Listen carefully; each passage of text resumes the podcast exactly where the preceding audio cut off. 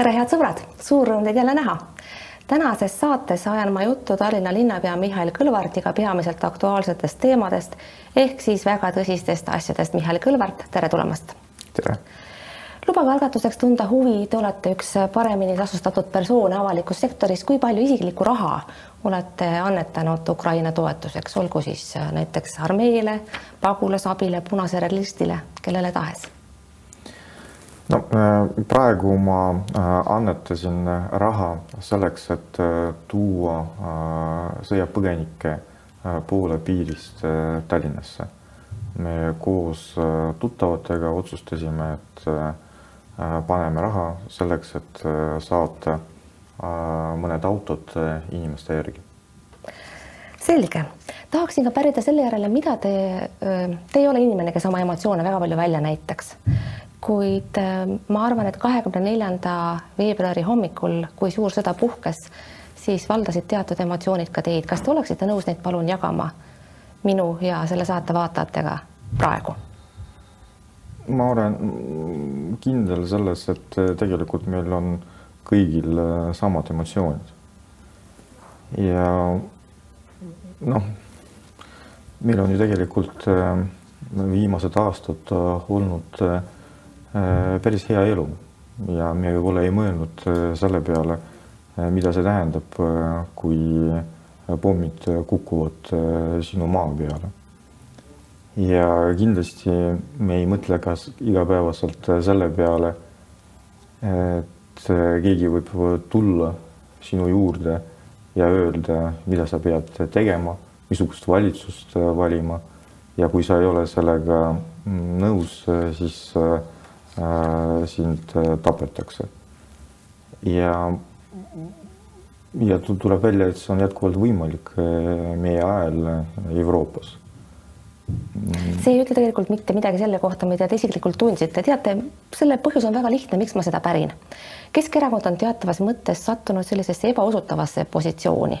ta tahab säilitada oma eestlastest valijaid, samamoodi venelastest valijaid, kuid on täitsa arusaadav, et praeguses infosõjas kuuldakse neid sõnumeid erinevalt ja Keskerakond kõndib teatavas mõttes nagu noateral, soovimata kaotada siis ühte ja, ja ka teist. Teil endal läks päris palju aega, enne kui te oma esimesed avaldused tegite sõda puhkes, suur sõda puhkes kahekümne neljanda veebruari varahommikul. Teie tegite esimese postituse Facebookis kahekümne viienda veebruari õhtul. miks teil nii kaua aega läks, enne kui te oma mõtteid kogusite? no äh, esiteks äh, kahekümne neljandal äh, oli meie riigipüha ja oli ka terve rida üritusi, kus ma ka osalesin. vaadake, mina kirjutan enda mõtteid ise ma ei anna seda nõunikele teha. ja juba samal päeval meil hakkasid toimuma ka esimesed äh, nõupidamised, äh, mida me peame tegema, kuidas praeguses olukorras äh, olla valmis kriisiks ja need nõupidamised käisid kahekümne neljandal, kahekümne viiendal ja terve nädalavahetus ka. Et meie lähtusime sellest, et tuleb olla valmis ja tuleb ka tegutseda.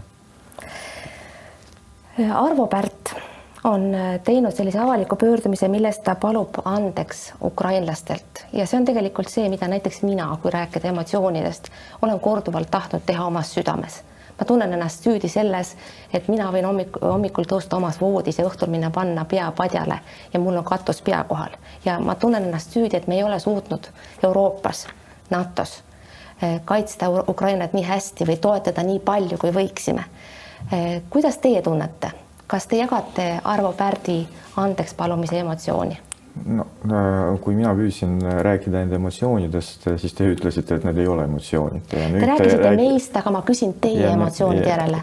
jah, aga see olid ju minu emotsioonid ja kui te räägite. Te väljendate oma emotsioone meie vormis. ja kui te räägite enda äh, emotsioonidest, äh, siis mulle tundub, et teil on ju samad emotsioonid, et mul oli õigus, et meil on äh, ühised emotsioonid praegu ja mm, küsimus on, kas olete ehk tundnud samasugust tarvidust paluda ukrainlastelt andeks, nagu tegi Arvo Pärt?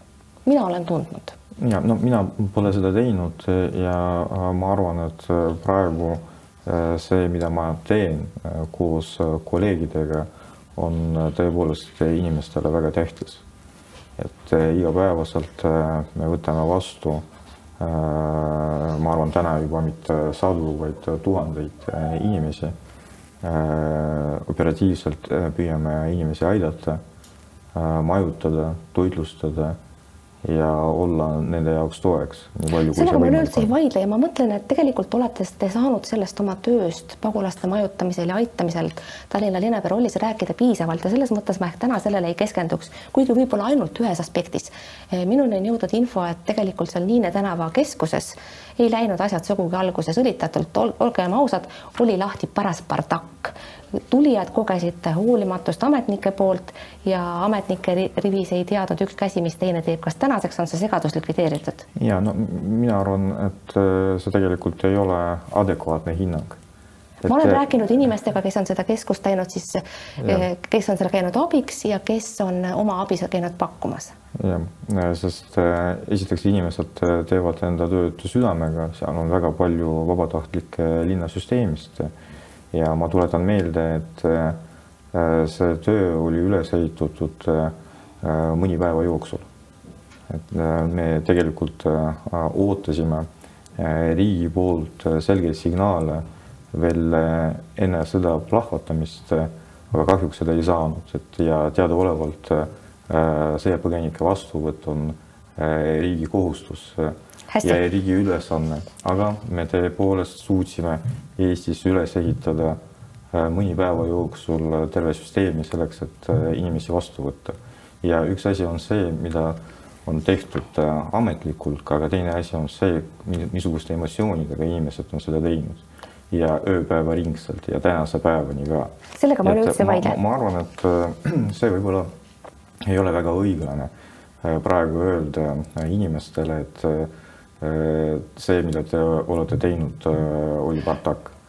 ma lihtsalt juhin tähelepanu sellele, et päris paljud on kogenud ebameeldivaid seiku, on kogenud hoolimatust ja mul on väga hea meel teie käest kuulda, et see enam niimoodi ei ole, on täiesti arusaadav, et süsteem ehitati üles paari päeva jooksul. hoolitamatust kindlasti ei olnud, ma arvan, et tõepoolest esimesed päevad kuna kõigile see oli esimene kogemus, et ei läinud kõik nii sujuvalt, kui tahaks ja Äh, me võtsime enda peale äh, ka koordinaatori rolli, sest äh, seal olid mitte ainult linnaasutuste esindajad, vaid ka riigiasutuste esindajad ja see oli ka esimene kogemus, kuidas sellist organisatsiooni või sellist ettevõtmist koordineerida. hästi, tahaksin pärida Keskerakonna siseelu kohta, kuna te olete Keskerakonna hierarhias väga kõrgel kohal kui Riigikogu võttis vastu selle avalduse äh, Venemaa agressiooni hindamiseks ja hukkamõistmiseks, siis kümme Keskerakonna saadikut ei hääletanud. tõsi, need hääled toodi pärast koju ja nad kirjutasid alla, kuid esialgse signaalina oli Keskerakond saanud märgi külge, et teil on probleem selle sõja olemuse mõistmisega. kuidas need kümme häält siis hiljem äh, koju toodi, mis nende, mis näiteks tehti Stalnuhhiniga, kellel vist on keelatud üldse sel teemal nüüd edaspidi sõna võtta? jah, no alustame sellest, et nii palju kui mina mäletan, see esimene tekst oli kokku pandud veel enne seda, kui sõda plahvatas. see oli kahekümne kolmandal. ja, ja kui see juhtus. aga see oli, ma täpsustan siiski, see oli toimus, toimus pärast seda, kui Putin oli andnud selge indikatsiooni, et ta tunnustab neid niinimetatud rahvavabariike.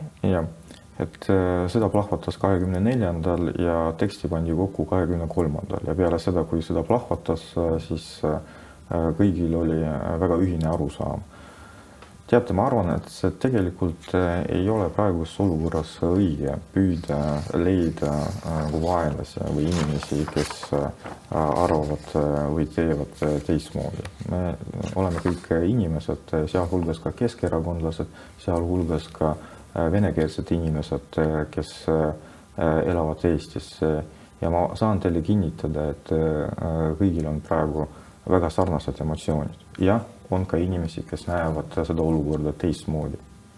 jah, tõepoolest, aga see ei sõltu praegu sellest, et äh, Keskerakond annab erinevaid signaale. esiteks ei anna.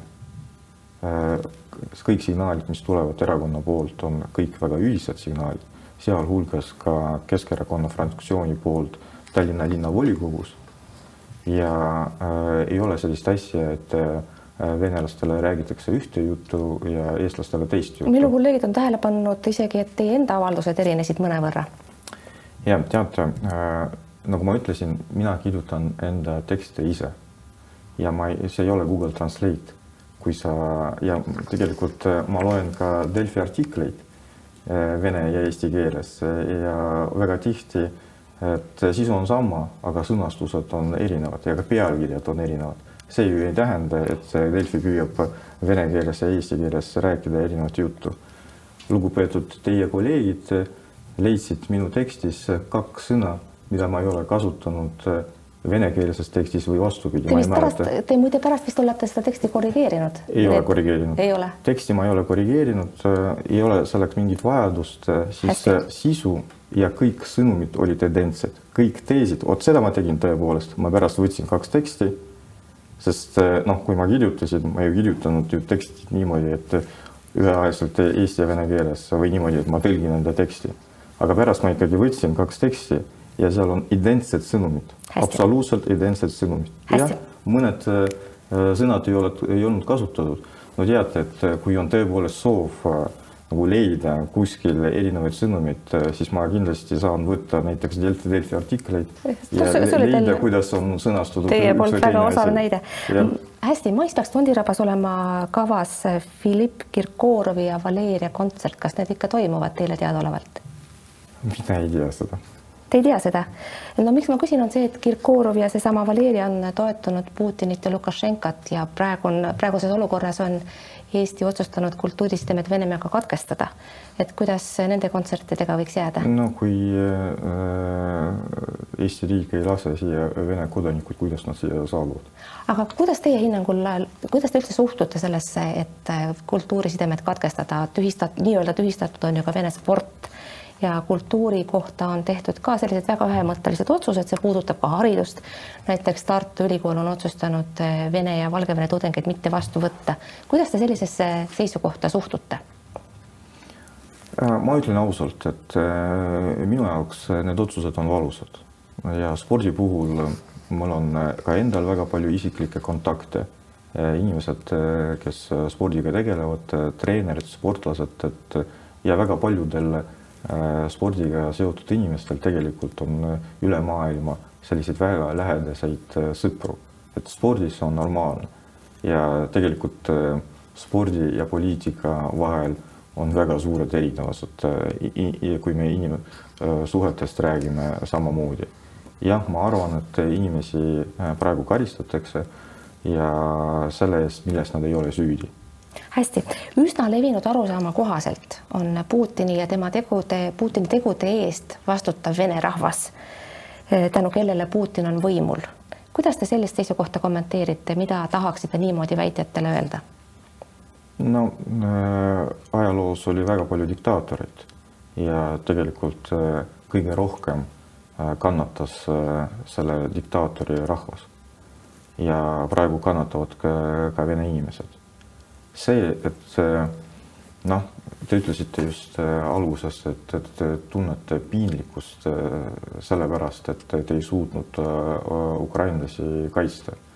no ma arvan, et teie ikkagi ei vastuta selle eest, mis praegu Ukrainas toimub, aga samamoodi ei vastuta suurem osa vene inimestest, sealhulgas ka sportlased ja kultuuritegelased, aga jah, tõepoolest on ka selline arusaam, et eh, iga rahvas on ära teeninud seda tsaari või siis juhti, kes on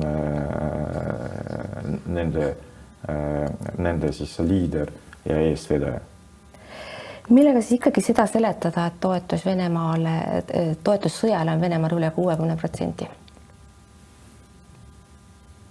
noh, ma ei tea, kas me praegu püüame leida täiendavaid äh, argumente selleks, et öelda, et et on äh, süüdi Putin ja on äh, süüdi vene rahvas. Ja... mina seda ei püüa, ma püüan teile luua võimalust väljendada oma mõtteid.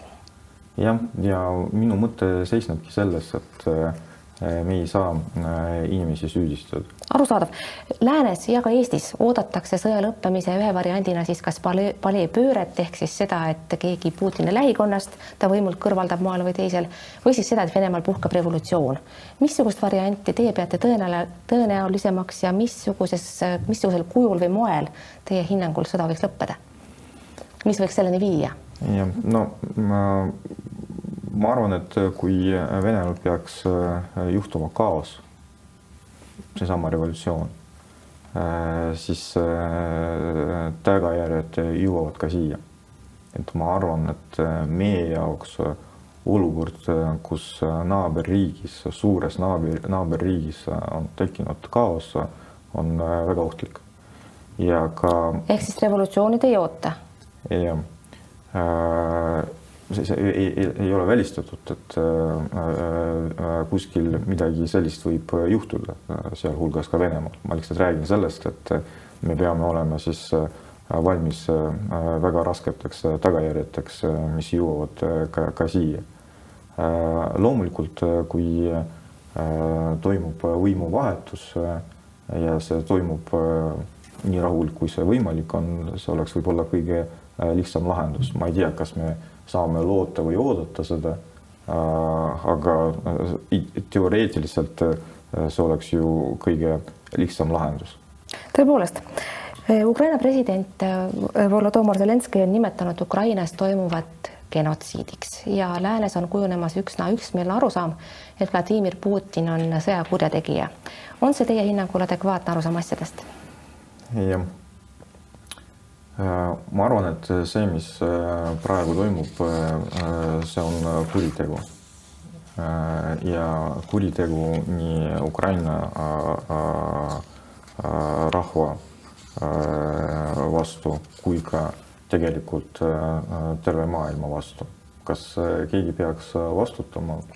jah, kuidas see praegu peaks juhtuma? et noh ajaloos me oleme näinud erinevaid näiteid, kas selliseid näiteid, kui äh, diktaatorid pole saanud äh, karistust?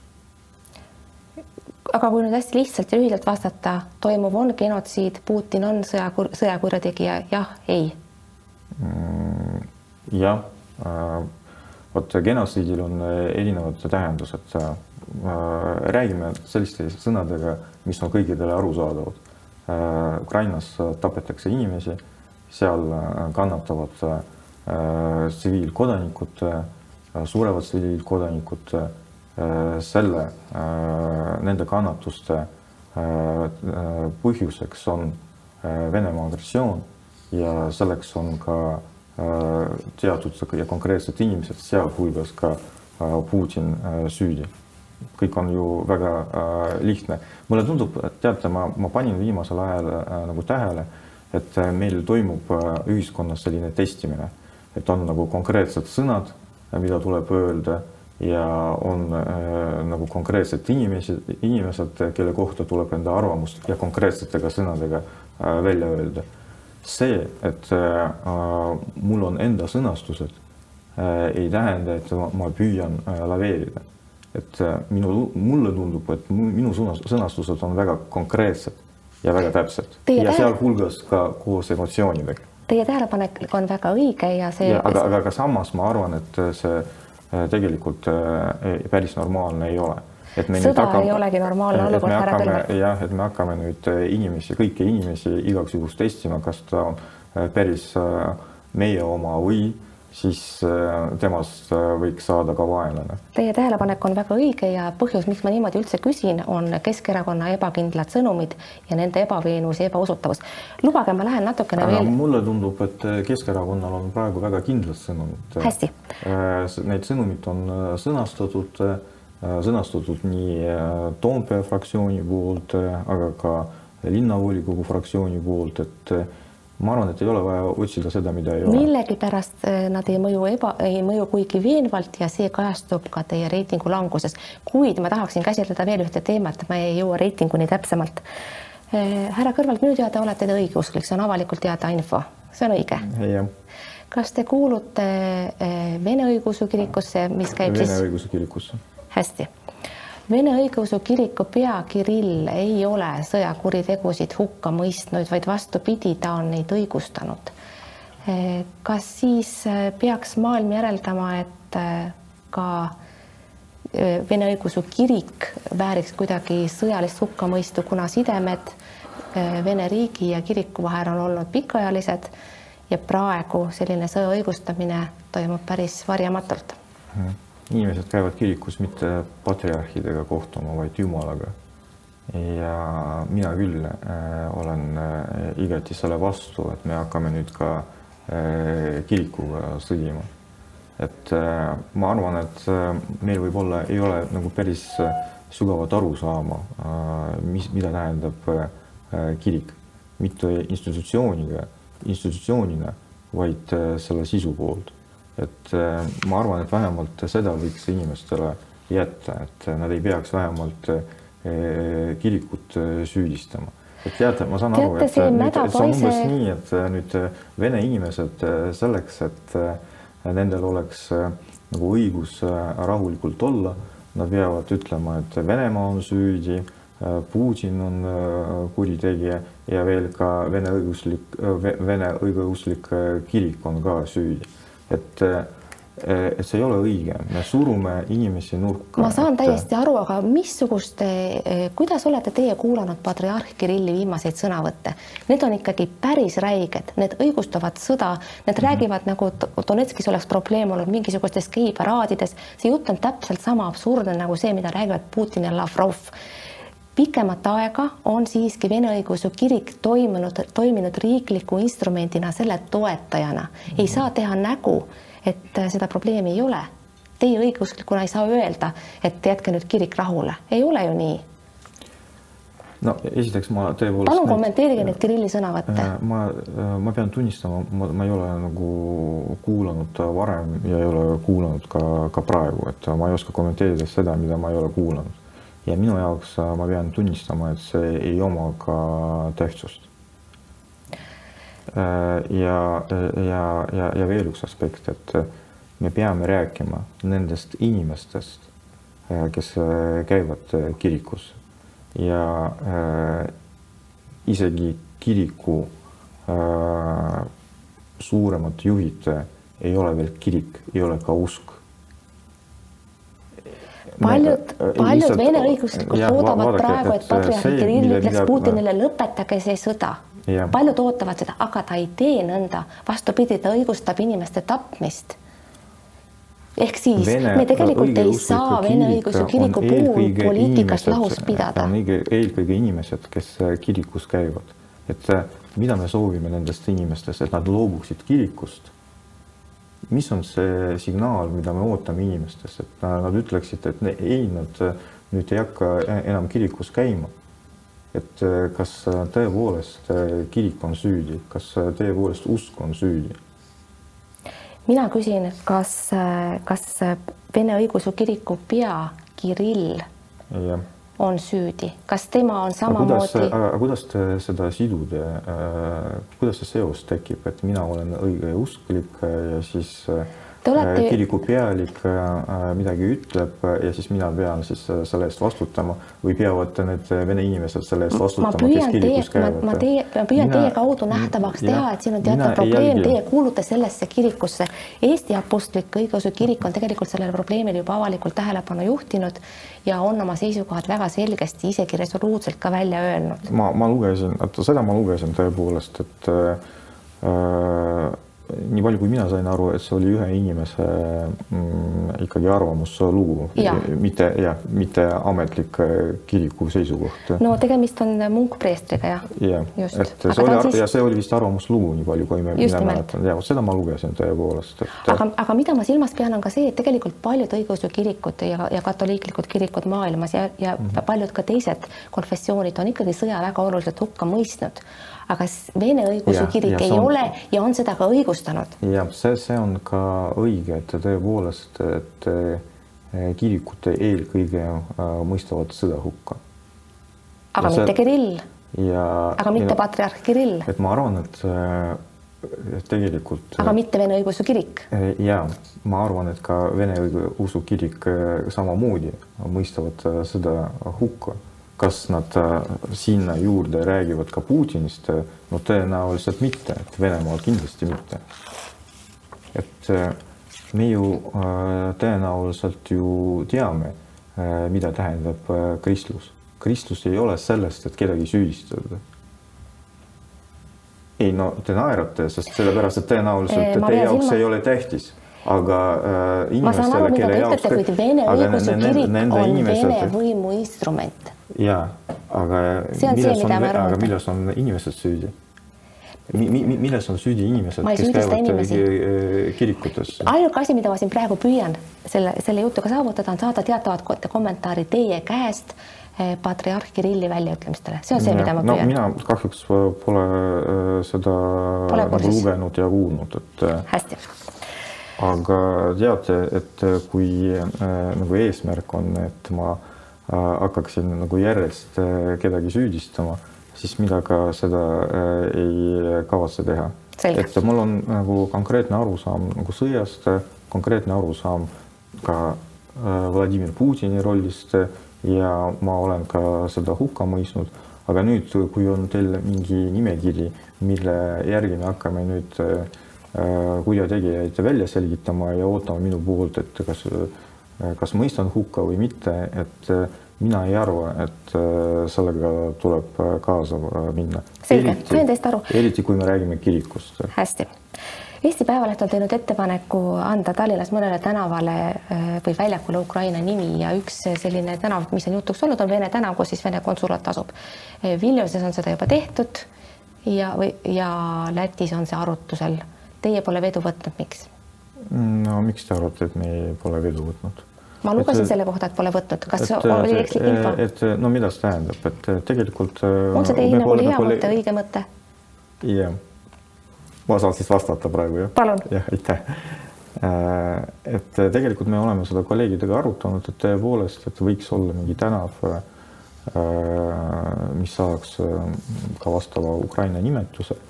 Kahju, et see toimub ainult praegu, noh, sest meil on tegelikult selline, sellised kogemused olnud ka varem erinevate kogukonnadega, aga tavaliselt see on ka vist kas kogukonna poolt tulnud initsiatiiv või siis saatkonna poolt tulnud initsiatiiv ja seda on Tallinnas tehtud.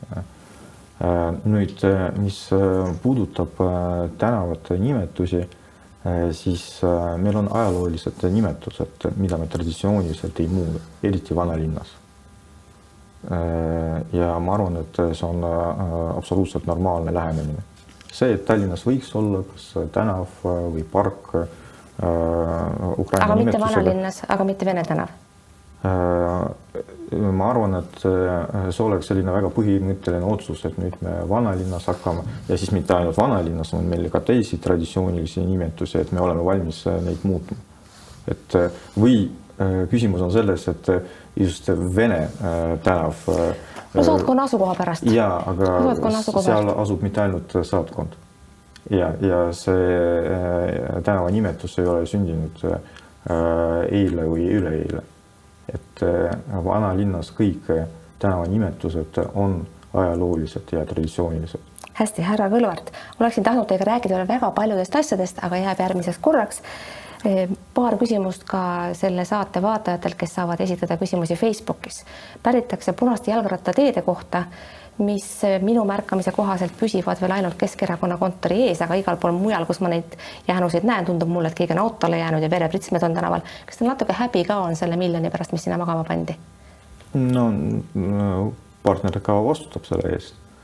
et äh, seal, kus on vaja, tehakse garantiiremonti ja on ka sellised kohad, kus äh, tulevad äh, püsivad lahendused, et äh, sellega praegu tegeletakse. jah, loomulikult on nagu väga ebameeldiv seda pilti näha. aga noh, siis ettevõte, kes konkurssi võttis. aga idee peab, linna poolt oli hea. peab ka vastutama. idee linna poolt oli hea niimoodi neid rattateid märgistada, see on ikka päris absurdne ju miks absurdne, seda kasutatakse nii Euroopa kui ka Ameerika linnades ja sama värviga muidu ka. et, et miks see idee on absurdne, et kas on siis absurdne ainult Tallinnas või igas riigis või igas linnas. no jalgrattateed võiksid siiski olla teataval viisil eraldatud ja ka turvalised, et Tallinna liikluses ja. kindlasti mingit turvalisust ja see punane värv küll selgesti ei taga. ja sellega teha, tehakse ka postid, eraldi rattateed seal, kus seda ei ole võimalik, siis lahendatakse, lahendatakse seda ka värviga, aga pärast tulevad ka püsivamad lahendused, et ja see puna, punased rattateed on ka teistes äh, Euroopa linnades, aga ka Ameerika linnades, et. härra Kõlvart, viimane küsimus tuleb jällegi vaatajalt, kes äh, kardab sõda nagu väga paljud inimesed, et see võiks ka jõuda meieni. küsimus on, kus on Tallinnas varjendid ja millal me teada saame, kuidas sinna minna tuleb? Jah, äh, no see, see info oli ju antud juba riigi poolt, et tegelikult meil neid ei ole. et see, mida saab kasutada on siis äh, kas äh, parklad, mis on maa all äh, ja, või, või keldrid. et see on reaalsus, et kunagi kas lammutati või müüdi kõik need pommivarjundid, et tegelikult meil neid ei ole. et see on see aus vastus arusaadav. Mihhail Kõlvart, ma tänan teid selle jutuajamise eest, mul jäi paljugi südamele, ma loodan, me kohtume järgmine kord ja siis räägime kõigest muust. aitäh teile. head sõbrad, aitäh, et te vaatasite, vaadake teinekord ikka jälle, elage vahepeal nii hästi, kui see praegu meil võimalik on. olge terved, kuulmiseni ja nägemiseni